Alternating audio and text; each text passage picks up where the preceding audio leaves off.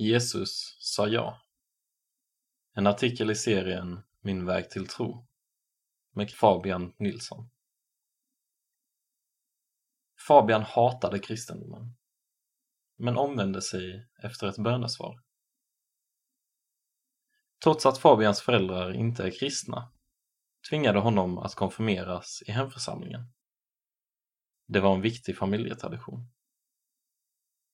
Jag var extremt osugen. Jag hade bilden att kristendomen var tråkig och begränsande. Fabian tog det hårt att bli tvingad till något som han var starkt emot. Jag var inne i en tuff period med mycket mentala problem. Då kändes det jobbigt att behöva konfirmeras när jag inte alls var intresserad. Hat mot kristen tro under konfirmationsåret mådde Fabian allt sämre. Ointresset för kristendomen utvecklades till ett starkt hat. Jag behövde få utlopp för min frustration och kristendomen blev ett bra offer. Jag började identifiera mig som antikristen och ansåg att det var något fundamentalt fel med kristendomen. Det blev som en ond spiral eftersom Fabian var omgiven av saker han hatade. Han var glad när han lämnade konfirmationsåret bakom sig. Men den sommaren anmälde hans föräldrar honom till församlingens ungdomsläger. Det skulle bli en vecka i den sämsta miljön han kunde tänka sig. Ett franskt kloster. Fabians hat mot kristen tro gjorde det till en tuff vecka. Vid korset. En gång i veckan utfördes en ceremoni i klostret där besökare kunde lägga ner huvudet på ett kors och be. Fabian var inte alls sugen på att gå fram till korset, men kände grupptrycket från flera tusen besökare och följde efter de andra.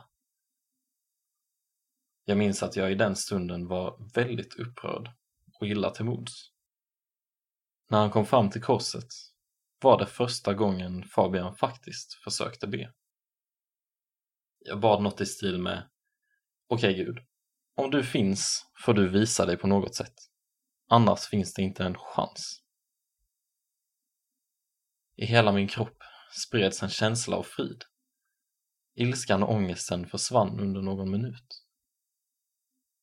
En stund senare kom Fabians församlingspräst och frågade om han fick be för honom.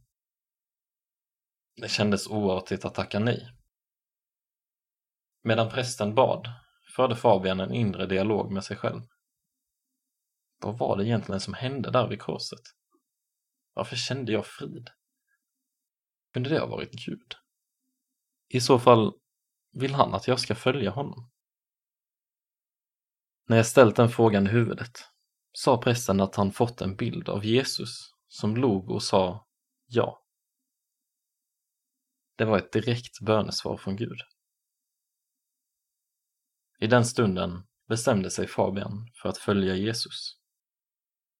Mörkret som jag levde med började försvinna när jag började följa Gud.